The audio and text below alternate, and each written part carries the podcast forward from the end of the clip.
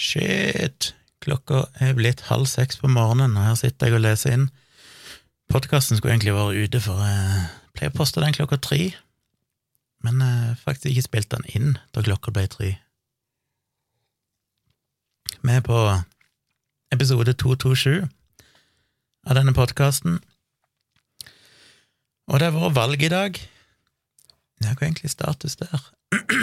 Jeg ble helt dårlig i stemmen her nå, for klokka er jo altfor mye. Eh, vi vet iallfall at det ble et regjeringsskifte, og det ser ikke ut per nå. Hvor mange av stemmene 99,7 av stemmene prosent er lest opp, og nå er MDG på 3,84 og ikke over sperregrensa. Men Rødt og Venstre er over sperregrensa. Så det var jo kjipt for MDG, men det var jo fortsatt en fremgang med et par mandater, vel, fra tidligere, så vi får ta det som en seier. Uansett så er det en seier at vi har fått et regjeringsskifte. Takk og lov, og jeg blir jo alltid glad for å se hver eneste prosent Frp går tilbake igjen. Jeg skal ikke snakke så mye om valget, det blir jo old news når dere hører dette uansett, men jeg registrerer at Kari Jakkesson valgte å stemme på Alliansen, så det plasserer vel altså basically et De blir vel regna mer eller mindre som et uh, høyreekstremt, kanskje nynazistisk parti. Og det som fikk henne til å fikk til å tippe i den favør, det var jo at alliansen hadde gått ut og betalt skoleelever for å ikke ta vaksinen. Og det er klart, da fortjener de en stemme ifølge Kari Jakkesson, så det, det sier vel egentlig alt en trenger å vite om henne. Eh, grunnen til at jeg sitter oppe så forbanna seint, er jo at eh, jeg skulle spille inn podkasten, men så var det ei dame inne på Facebook, inne på ei Facebook-gruppe som heter ja, Hva heter den? Den heter Kunnskapsbasert rasjonell covid-19-respons. Der de er ganske strenge med hva som blir posta. Ingenting går rett igjennom, alt må godkjennes. Eh, jeg har til og med fått en bloggpost avvist der inne, det var, det var den om George Gooding, kanskje de mente at den ble for personfokusert, eller noe sånt. Jeg er ikke helt sikker på om det var den, men jeg tror det var en eller annen som ikke ble godkjent på et eller annet tidspunkt. I hvert fall. Men stort sett har de blitt godkjent, og det er jo et forsøk på å holde en, en ganske så rasjonell og evidensbasert debatt rundt pandemien. Så jeg posta jo denne Ja, det var Nei, det kan ikke være den om George Gooding, nei, for det er jo den jeg sitter og ser på nå. Under den bloggposten av George Gooding så kom det ei dame inn og begynte å klage, først på at jeg hadde påstått at eh, Ivar McTean-hypen kom ifra ytre høyre politisk. Så, nei, det var altså den mest sånn god dag med en økseskaft-diskusjonen jeg møtte, for jeg prøvde å svare, og så kom hun bare med påstander der hun anklaga meg for å ha sagt ting som jeg aldri hadde sagt, for eksempel at Brett Weinstein var høyreekstrem.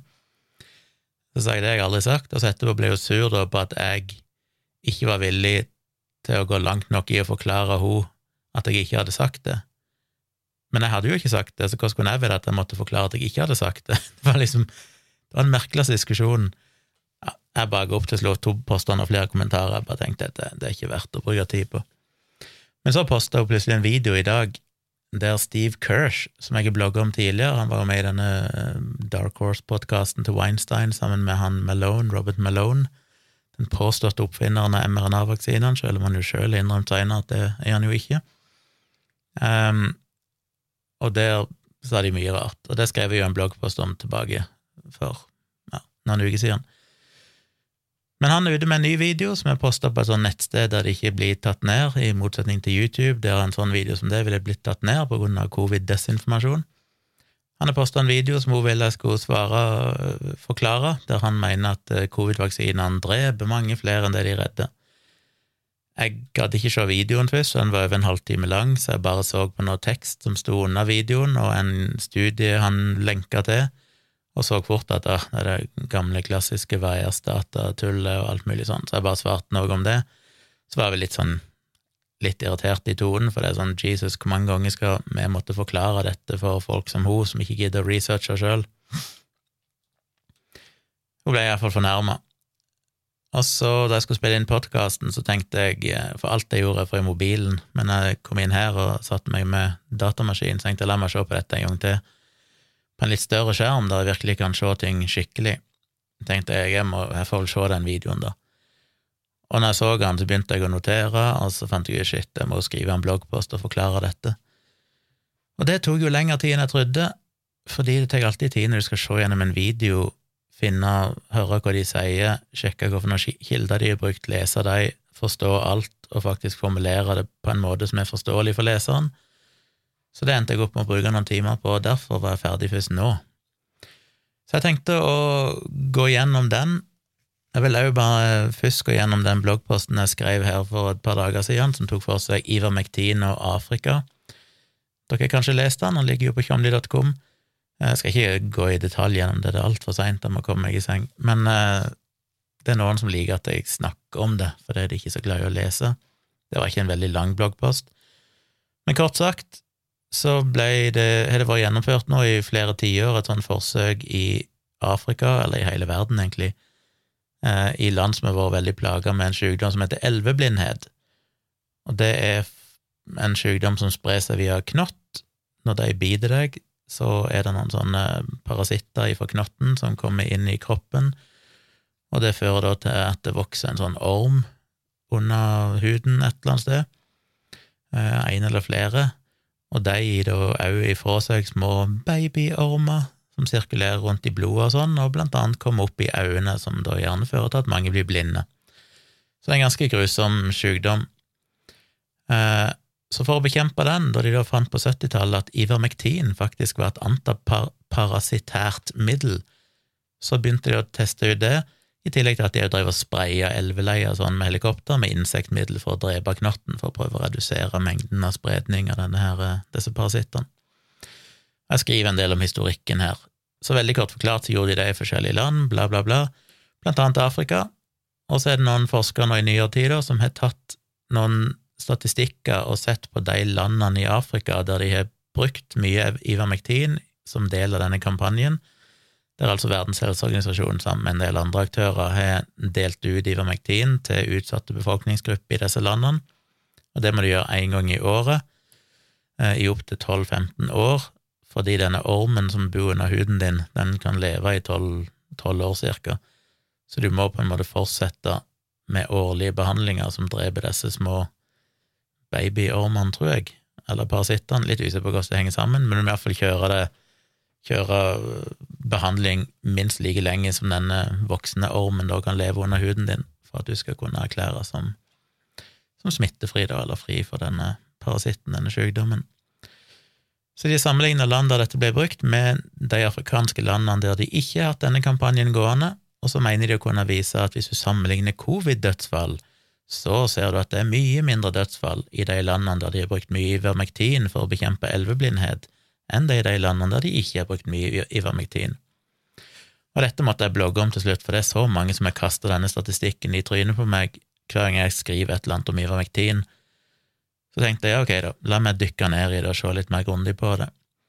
Og bare sånn kort oppsummert, de grove feilene som er gjort i denne studien, det er jo blant annet at denne kampanjen varte én eh, del varte fram til 2002, en annen del fram til 2015 men det, så ble det overtatt av et annet prosjekt, men da ble det vesentlig nedskalert, så det er jo bare en håndfull land som nå har fått Ivermektin de siste fem årene før pandemien.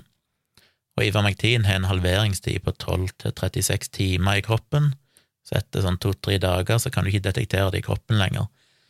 Så hvis disse landene i stor grad ikke fikk utdelt Ivermektin etter 2015, så er det jo veldig rart at Ivermektin skulle spille en stor rolle i et virus som først dukka opp i mars 2020 i afrikanske land.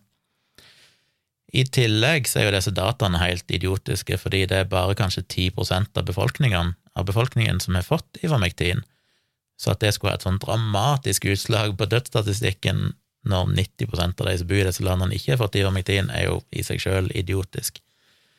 Eh, et annet problem er jo at du bruker også Ivermektin mot andre sykdommer, og de har kjørt tilsvarende kampanjer mot for eksempel elefantsyke, som også skyldes en parasitt. Og det har de gjort i en del av de landene som i denne studien er regna som land som ikke har fått ivermektin, fordi de fikk ikke ivermektin som en del av det å bekjempe elveblindhet.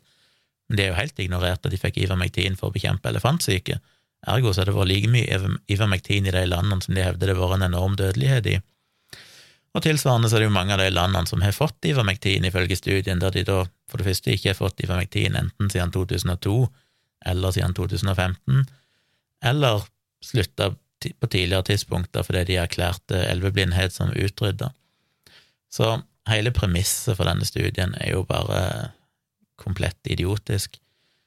Um, ja, det er sikkert flere ting jeg kan trekke fram som jeg skriver om her, men jeg skal ikke gå gjennom alt. Uh, ja, bare én siste ting, og det er jo bare det at det er jo selvfølgelig dataen for covid-smitte og dødsfall er jo helt håpløse i disse landene.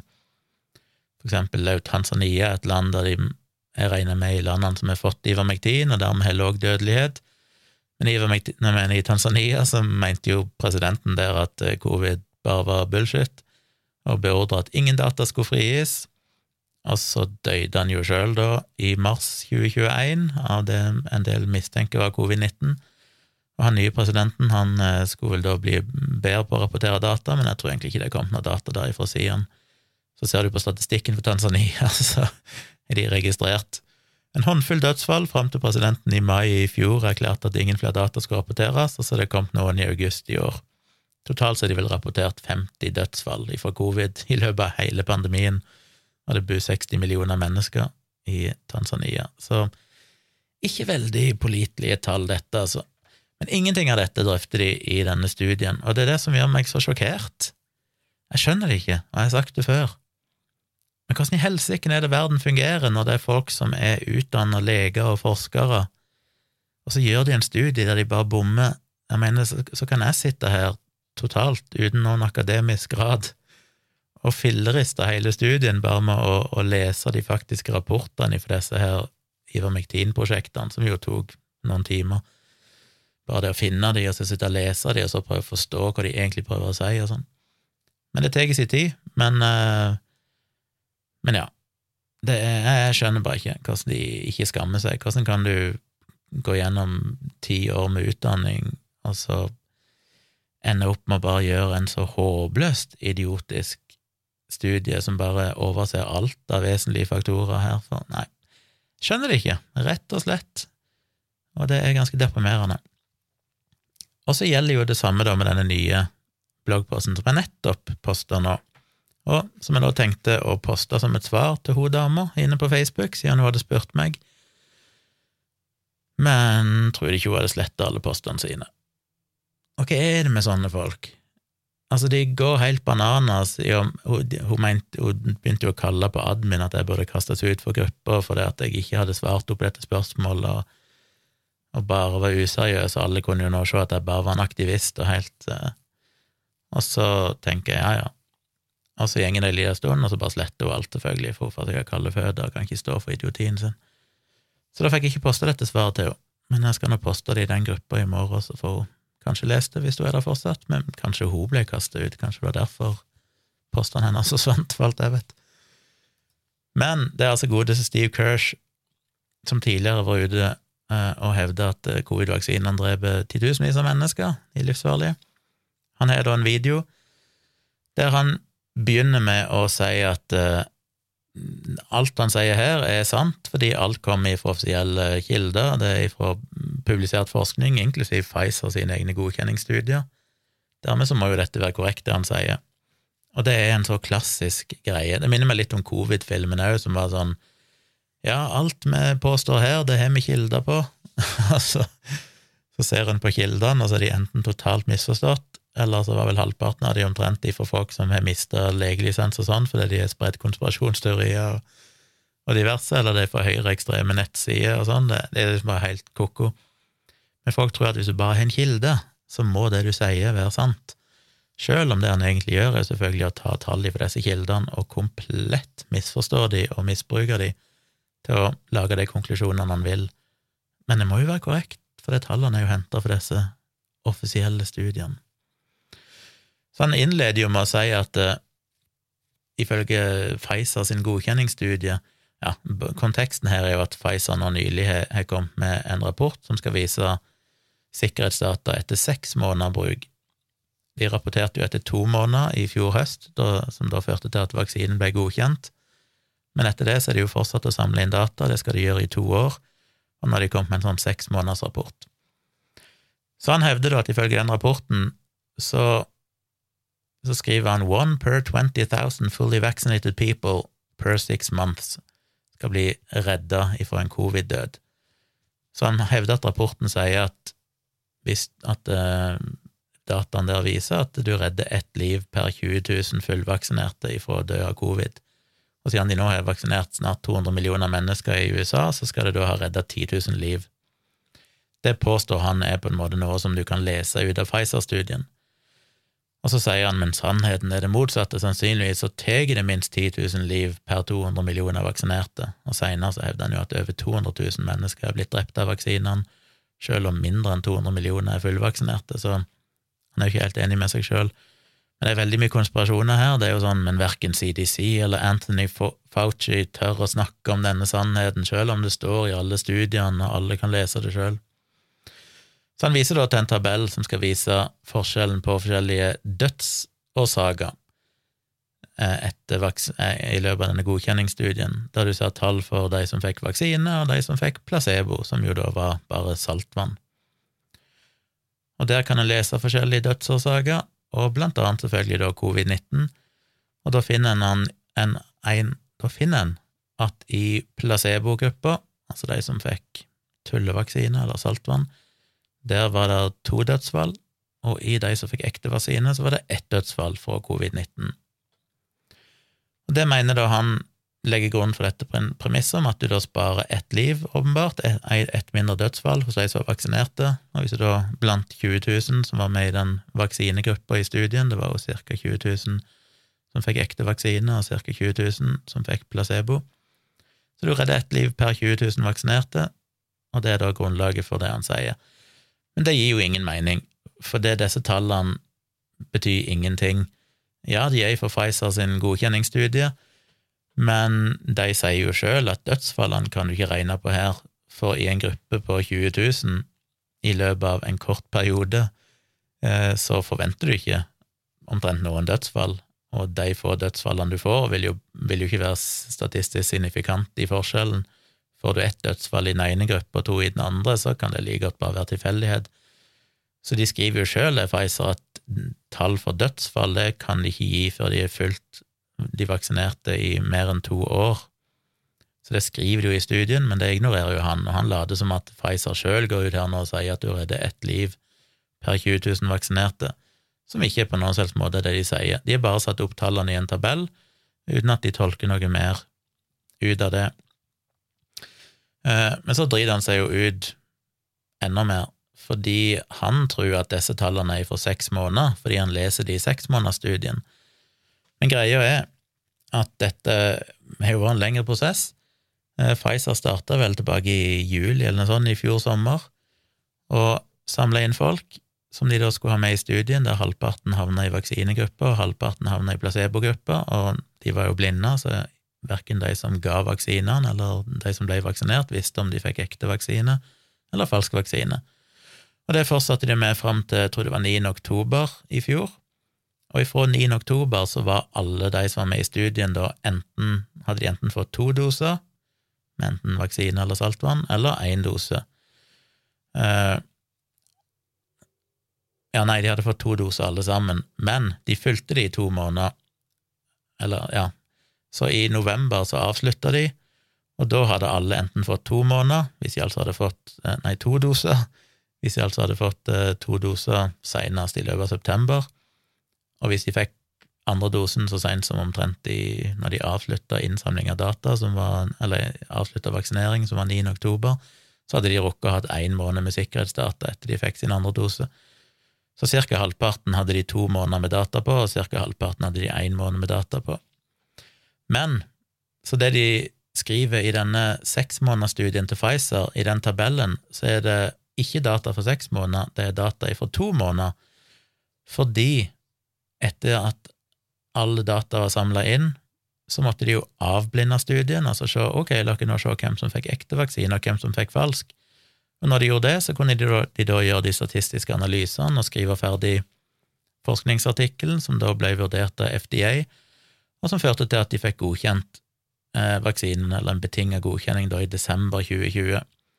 Men i det øyeblikket du avblinder studien, så har du ikke lenger noen placebogruppe, fordi da vet alle hvem som fikk K, og i tillegg, siden da vaksinen ble godkjent i desember, så er de etisk forplikta til å tilby alle i placebogruppa å få vaksinen.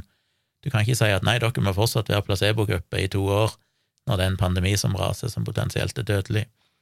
Så placebogruppa forsvant egentlig da ifra desember. De aller fleste takka ja til vaksinen.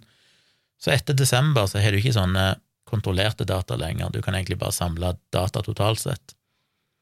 Og det står jo under den tabellen. Det står at dette er data ifra første dose og fram til studien ble avblinda, det vil si basically to måneder, eh, kanskje litt mer, men iallfall ikke seks måneder. Og det overser han, så han regner jo ut disse tallene feil. Det er jo ikke sånn at du redder ett liv per 20 000 vaksinerte i løpet av en seksmånedersperiode, men det er i løpet av en tomånedersperiode, som jo er akkurat like feil fortsatt, for at dataen ser jo ikke på dødsfall. Du kan ikke bruke disse dataene til det, men den er iallfall en feil som er mer statistisk korrekt, om det går an å si. En feil som er litt mindre feil.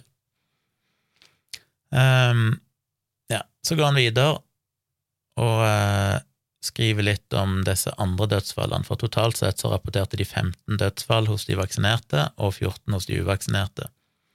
Det står i denne tabellen, men så kan du lese i selve teksten på studien at jo da, det døde 15 vaksinerte og 14 uvaksinerte, eller de som fikk placebo, da, i løpet av den perioden der studien fortsatt var blinda, det vil si litt over to måneder. Men etterpå, når han ble avblinda, så døde det tre stykk til fra vaksinegruppa, og to av de som opprinnelig hadde fått placebo, men som da seinere valgte å få ekte vaksine, døde. Og disse regner da Kirsch inn som dødsfall i vaksinegruppa, så han sier at det døde ikke bare 15 av vaksine, det døde 20 totalt, for det døde jo fem litt seinere òg. Så da sier han at det døde 20 i vaksinegruppa, mens det da bare døde 14 i placebogruppa. Og det blir jo fullstendig feil, fordi han glemmer igjen at det er forskjellige tidsperioder. De 14 som døde i placebogruppa, er jo målt bare i løpet av de to månedene cirka, men de fem ekstra, eller de 15 som døde i vaksinegruppa, var òg i løpet av de to månedene, men i tillegg så døde det fem da i de etterfølgende månedene, altså i hele den seksmånedersperioden. Så når han da setter de to tallene opp mot hverandre, så er det jo helt meningsløst, for den ene tidsperioden er jo tre ganger lenger enn den andre og jo lengre tid det går, jo flere dødsfall vil du selvfølgelig få. I tillegg så påpeker jo Pfizer at de har granska alle disse dødsfallene og fant ikke at noen av de så ut til å være knytta til vaksinen. Det kan jo være folk som er blitt påkjørt av bil eller tatt livet sitt, eller hva som helst, eh, eller døde av helt andre naturlige sykdommer. Så han bommer jo gang på gang i å ikke, ikke forstå hva han egentlig snakker om her. Og så er det jo en annen viktig faktor, det er jo hvem som faktisk er med i studien. Fordi i denne godkjenningsstudien til Pfizer så var det bare 4% av deltakerne over 65 år, men i den virkelige befolkning i USA og Europa så utgjør de iallfall 15% av befolkningen. Så folk over 65 år var jo kraftig underrepresentert. Men samtidig så er jo 80% av alle de som dør av covid, er over 65 år. Så det betyr jo at det blir jo helt meningsløst å sammenligne dødsfallene i studien med dødsfall i den virkelige verden. I tillegg så var det jo ikke med noen gravide, og gravide har visstnok opptil 20 ganger høyere risiko for å dø enn ikke-gravide som blir smitta. Eh, og de hadde ikke med folk med alvorlige risikofaktorer. De hadde med folk med risiko som eh, fedme, diabetes, høyt blodtrykk og sånn, så det er jo folk som har økt risiko for å bli alvorlig syk eller dø av covid-19, men det var jo bare primært da yngre pasient, yngre personer under 65, og folk som ikke Eller folk som hadde en stabil helse. Det var ikke folk som liksom var i ferd med å krepere eller allerede var alvorlig syke. Så dette er jo folk som ikke normalt dør av covid-19 i det hele tatt, og da er det jo ikke så rart heller at du finner veldig få dødsfall i den gruppa. Så igjen, du kan ikke bruke de tallene til å si noen ting om vaksinen faktisk beskytter mot dødsfall eller ikke men det gjør allikevel Kirsch, da, og ekstrapolerer tallene til det helt latterlige. Uh, ja, så viser jeg ut noen data som jo viser da at uh, basically 99% av alle som dør av covid, er jo uvaksinerte nå. At du er en ny studie som nettopp ble publisert, som fant at det var elleve ganger høyere risiko for å dø hvis du var uvaksinert sammenlignet med å være vaksinert, så Data fra den virkelige verden viser jo at vaksinene definitivt beskytter mot covid-dødsfall. Og så går han videre til bivirkninger. Og det er jo helt fascinerende, for han innleder jo med å si at uh, han kaller det for morbidity, og slår sammen masse tall til å være det han kaller for morbidity, som vel på norsk er noe sånt som sykelighet, eller noe sånt. Og for å beskrive hva det betyr, så sier han eksplisitt at det er et eller annet som har gjort en per person permanent invalid, eller for eksempel gitt de et hjerteinfarkt selv om de overlevde. Så det er jo ikke dødsfall, dette, det er kun de som overlever, men de kan ha blitt permanent invalid eller fått en veldig alvorlig sykdom. Så viser han da til en tabell i denne Pfizer-studien igjen, der de da har telt opp antall såkalte severe adverse events og life-threatening eh, adverse events, og finner da at det er 1,3% av de i vaksinegrupper som hadde sånne bivirkninger, mens bare 0,8% i placebogruppa hadde det. Eh, jeg lurer på om jeg skrev 0,9, så det må jeg korrigere. Eh, så dermed er det jo en stor overvekt da, av folk. En 60 flere, hevder han i en av grafene sine den, i den videoen, som fikk alvorlige sykdommer, alvorlige helseskader fra Pfizer-vaksinen sammenlignet med de som fikk placebo. Men det er jo feil, fordi en såkalt severe adverse event betyr ikke at det nødvendigvis er en veldig alvorlig bivirkning. Severe er basically bare graden av hvordan bivirkningen påvirker hverdagen din, så du kan ha en helt ufarlig bivirkning som vondt i armen eller hodepine eller diaré, men den kan graderes som enten mild, moderat eller severe, og hvis den er severe, så er det klassifisert som at det er noe som hindrer deg fra å fungere i hverdagen, som da i praksis betyr at du kanskje må holde senga en dag, eller være vekke fra jobb en dag eller to. Og det har vi hørt mye om, at det er en del som får disse vaksinene, ender opp med å ta en sykedag eller to etterpå. Det er jo ikke fordi disse bivirkningene er alvorlige, det er ikke fordi de blir permanent invalide eller får hjerteinfarkt, det er bare fordi at den bivirkningen de får, hvor enn ufarlig, er såpass smertefull eller ubehagelig i den perioden han pågår, eh, at de må ta seg en dag i senga. Så han misrepresenterer jo helt hva disse bivirkningene i det hele tatt er for noe, som jo bare blir helt latterlig når du ser hva det faktisk er. Eh, og så påpeker jo Pfizer det eksplisitt i teksten, men igjen så ignorerer Kirsch det, for han skryter jo veldig av å ha lest disse studiene, i motsetning til alle andre, inklusiv alle leger og forskere som han snakker med, som ikke har lest studiene, og blir helt overraska når han kommer med disse tallene. Men han kan ikke ha lest de veldig godt, fordi Pfizer skriver jo eksplisitt at ca. en tredjedel vel av de som var med i denne godkjenningsstudien, av de totalt 40 eh, 000, eller 20 000, litt over 20 000 som fikk vaksinen, var folk som ble brukt til å sjekke det de kaller for retrogenicity, nei, reactogenicity events, som altså er sånne klassiske immunrespons-bivirkninger. Eh, Og det er jo de der er flest av. Når du blir øm i muskelen, når du får hodepine, når du får litt feber, alt det der, er jo immunforsvaret ditt som jobber, og det regner de jo egentlig ikke som bivirkninger i den forstand.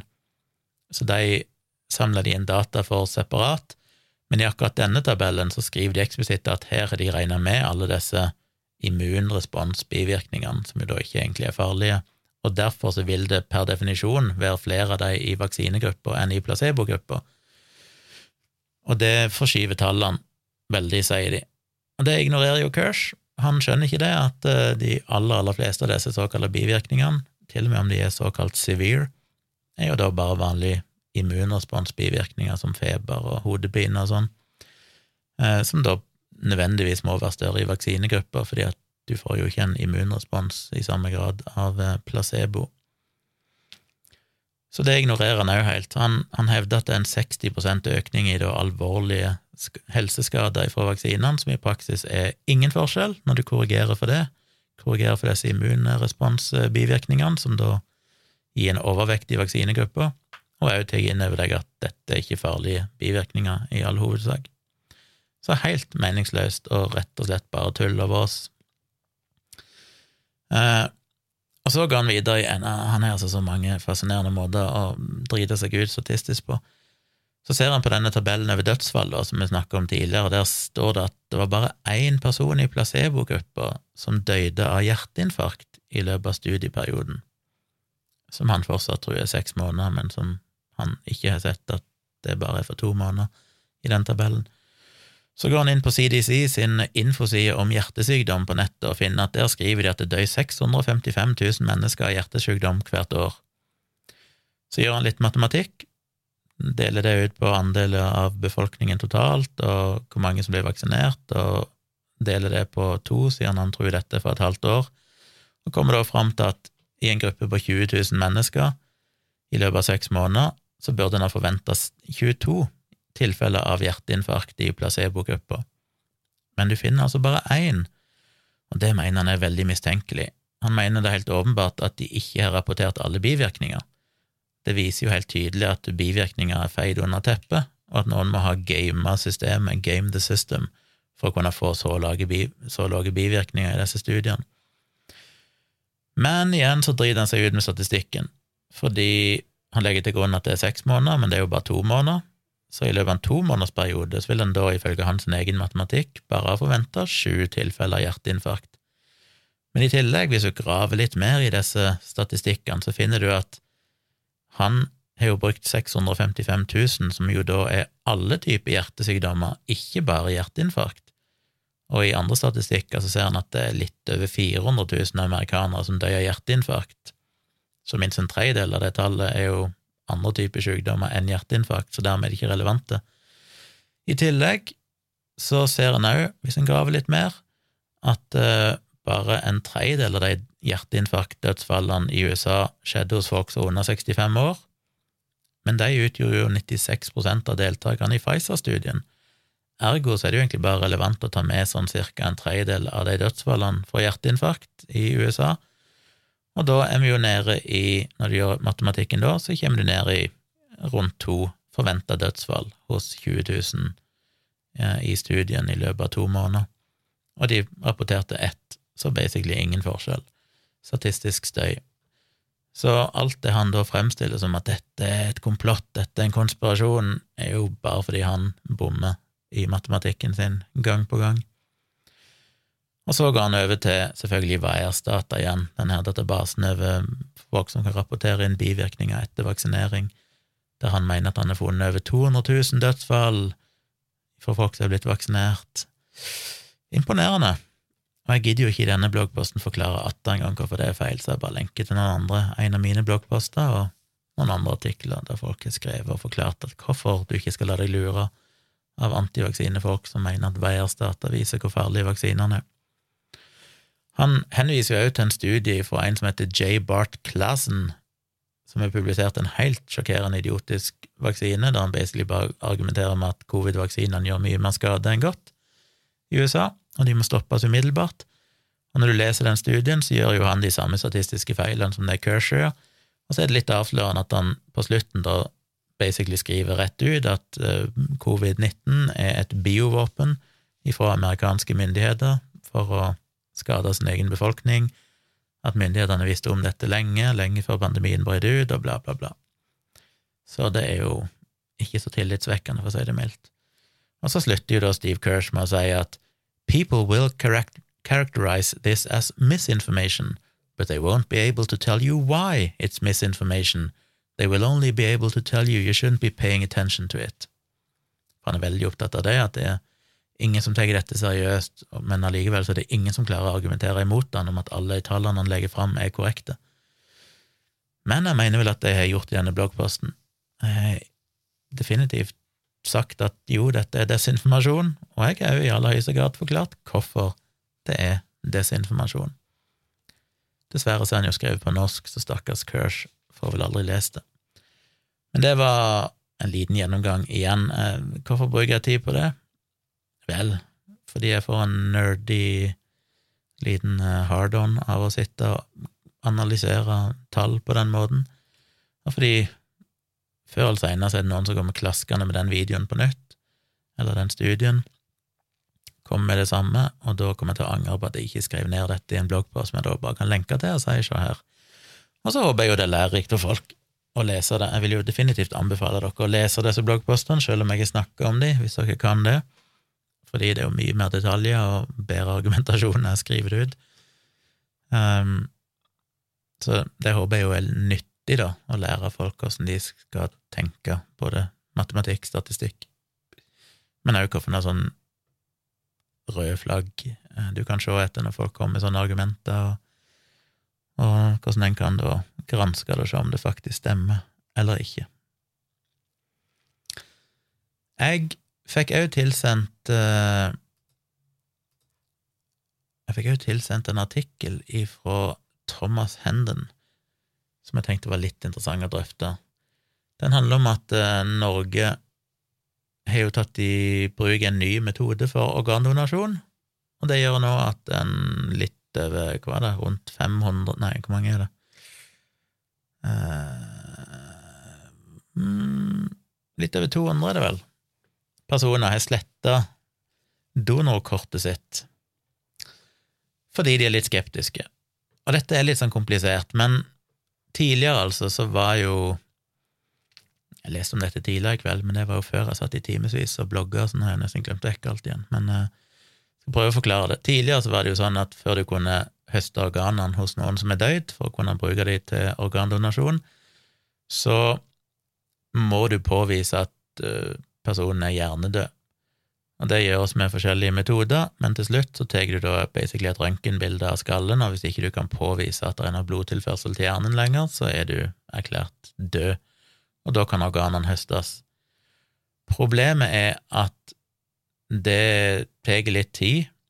Personen kan da ha slutta å puste, hjertet har slutta å slått, men du kan ikke Jeg mener, historisk sett så var det jo det at hjertet slutta som var definisjonen av død, men det ble jo seinere endra til at du måtte være hjernedød. Og i løpet av de minuttene, den tida som går fra hjertet slutter å pumpe blod til du faktisk har påvist død, så kan organene i kroppen være uten blodtilførsel såpass lenge at de blir ubrukelige til, til, organdonasjon. Så derfor har de nå innført en ny metode som har vært veldig omstridt. Eh, lang historikk med det, men det ble vel til slutt innført for et par år siden, teknisk sett, eller tre år siden, 2018, tror jeg. Men det var opp til de forskjellige sykehusene om de ville bruke det eller ikke, og de bruker den i mange andre land. Og målet med det er at de skal kunne få omtrent 15-20% flere organer som da kan doneres. Og det høres jo kanskje litt skummelt ut, for hva er det de gjør her nå?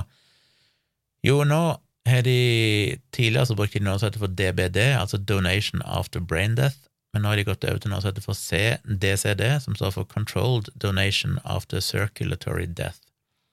Og det betyr at eh, når en lege har gjort en medisinsk vurdering av en døende pasient, da de sier at eh, alt håp er ute, så kobler de fra respirator, og så venter de til pust og hjerte har slutta av seg sjøl,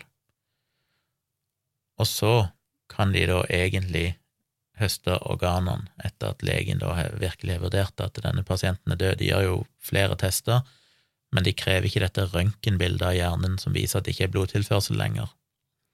Så det er det ene, at de har fjerna det kravet om dette røntgenbildet. De sjekker ikke om du faktisk er hjernedød sånn rent teknisk sett, selv om du nesten helt sikkert er det, fordi de gjør en del andre tester som mm, egentlig påviser det.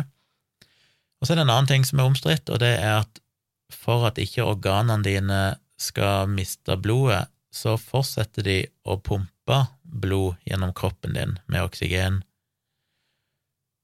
Og så er det den store kontroversen at men de setter inn en, de pumper opp en liten ballong i hovedpulsåra som gjør at blodet ikke går inn til hjertet, eller lungene heller, tror jeg, og ikke opp i overkroppen, opp i hjernen. Så de pumper blod rundt i den nedre delen av kroppen din, sånn at nyre og andre ting, lever og sånne ting, overlever. Og da er jo spørsmålet, men hvis du har erklært personen for død, hvorfor er det farlig om det da går blod opp i hjernen og hjertet og sånn? Og der har det vært mye kontroverser der noen mener at det er det som er den store faktoren her, for det kan jo gi inntrykk av at de er jo ikke egentlig helt sikre på at pasienten er død, men de vil ikke at du skal vil ikke pumpe blod opp i hjernen, sånn i tilfelle det fortsatt er noe liv der.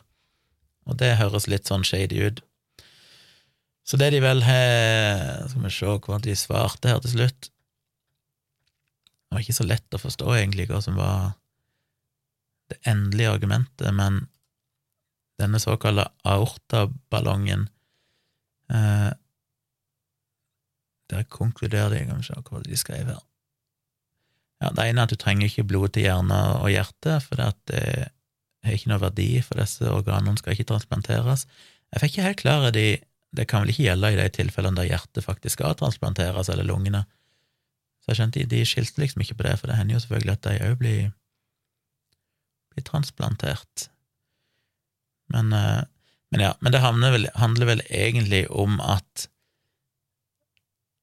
at det er en sånn formalitet, nesten, at når denne legen har erklært pasienten for død, så blir all livreddende aktivitet avslutta. De gjør ikke noe hjerte-lungeredning, de kobler jo for respirator og alt mulig sånn. Og det å da etterpå begynne å pumpe blod rundt i kroppen vil basically være det samme som å gjøre en hjerte-lungeredningsprosedyre, som da egentlig er i strid med legens bestemmelser om at denne livreddende behandlingen nå skal avsluttes. Så det er litt sånn formalitet, ikke sant. Legen har sagt nå skal vi avslutte livreddende behandling, jeg erklærer denne pasienten for død, og hvis du da begynner å pumpe oksygenrikt blod rundt i hele kroppen, inklusiv hjernen, så gir jo ikke det noen mening lenger, da kan du like godt ha fortsatt hjerte-lungeredning, eh, som ikke er noe vits i når pasienten er erklært død. Så det er iallfall en kontrovers rundt dette, da. Og det er klart, noen vil jo føle at eh, men kan de være helt sikre på at jeg faktisk er død? Hva hvis legen kommer inn og sier at nei, alt håp er ute for denne pasienten, koble ifra respirator og ikke gi noe livreddende behandling? Og så viser det seg at du plutselig så åpner du øynene eller et eller annet allikevel, fordi det faktisk er aktivitet i hjernen din fortsatt. Men hvis de da plutselig da ikke gjør dette, og de begynner å høste organene dine, så er kanskje det utrivelig. Eh, jeg tror folk bare har en sånn creepy følelse rundt dette, at de vil helst ha den endelige, sikre 100% at det ikke er noe blodtilførsel til hjernen, at hjernen basically er maltraktert. Og det er det vel lett å skjønne.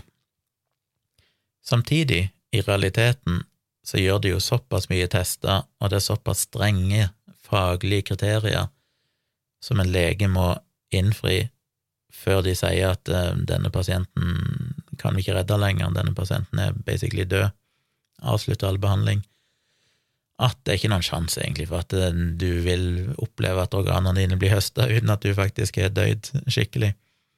Uh, eller at hvis de bare hadde fortsatt litt lenger med hjerte-lungeredning eller respirator, så hadde du plutselig våknet opp igjen. Du kan være basically 100 trygg på at det ikke skjer. Så det er nok mer bare en sånn creepy følelse. Jeg mener de, stort sett alle eksperter er jo enige om at dette er helt trygt.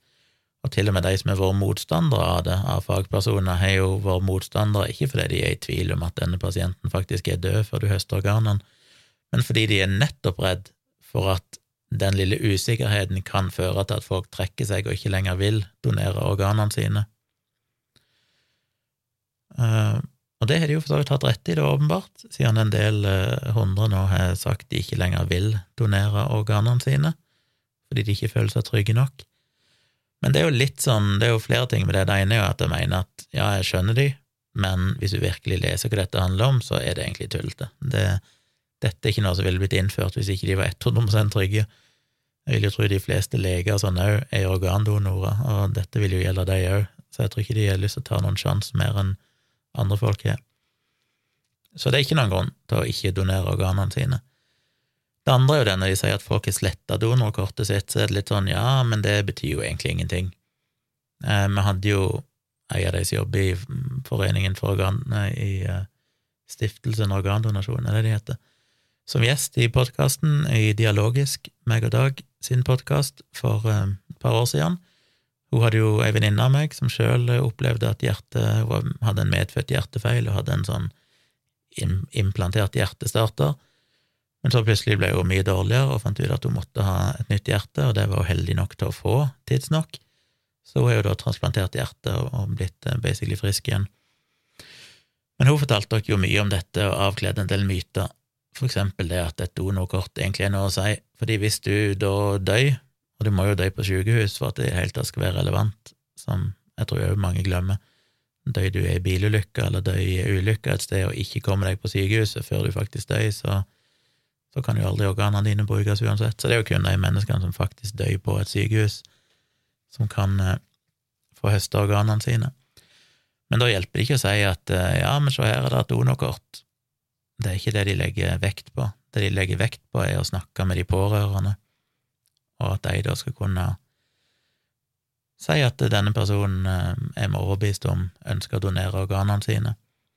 Og hvis noen i familien da, i nær familie, sier at det er de ikke sikre på, eller det tror de kanskje ikke, eller de kanskje ikke er komfortable med det sjøl, at organene til denne personen blir høsta, så blir de kanskje ikke det uavhengig av om denne personen har et organ, et donorkort som sier at 'jeg vil donere organene mine'. Så det blir jo en litt sånn symbolsk handling å slette donorkortet sitt, for det har jo bare en symbolsk betydning. Det er ikke det de legger vekt på til syvende og sist. Så igjen, da, en oppfordring som jeg kom med mange ganger i den podkasten vi hadde da, men det er jo igjen, snakk med dine pårørende. Ikke tro at bare fordi du har et donorkort, så vet det, så vil det bety at dine organer vil bli høsta. Du må faktisk ha fortalt det til dine nærmeste, som da sannsynligvis vil være der ved dødsleiet og kan, kan si at det jo bekrefter at denne personen, at du ønsker å donere organene dine, det er det som til syvende og sist betyr noen ting som helst i den situasjonen. Så klokka er over seks nå, jeg har ikke lagt meg ennå, og eh, hvis noen av mine kollegaer hører denne podkastepisoden, så sorry, mate, jeg kommer til å være sein på jobb. Men jeg jobba ganske seint òg, før jeg begynte med alt det andre, så det går vel opp i opp. Uh, jeg vet ikke om du blir noe klokere av det. Jeg skal lenke til et par artikler hos nrk.no som beskriver denne greia både fra 2018, tror jeg, når dette ble innført, og en ny nå, med disse donorene som har sletta donorkortene sine. Og Der prøver de å beskrive litt av hva som er greia. Jeg skal ikke gjøre denne episoden for lang, så jeg avslutter egentlig bare med å si at vi har fått et regjeringsskifte. Jippi, det var faen meg på tide. Men som noen påpekte, hvis dette skulle være et klimavalg, så levde kanskje ikke det helt opp til forventningene, med tanke på at Ap og eh, Senterpartiet er de som iallfall kommer i regjering, mest sannsynlig, muligens da forhåpentligvis med SV i tillegg. Skulle selvfølgelig håpe at Ap hadde ditcha Senterpartiet og heller hatt en mindretallsregjering med Rødt, SV og MDG, men uh, Rødt vil vel ikke sitte i regjering, og Ap vil vel ikke regjere sammen med MDG, så det skjer vel ikke.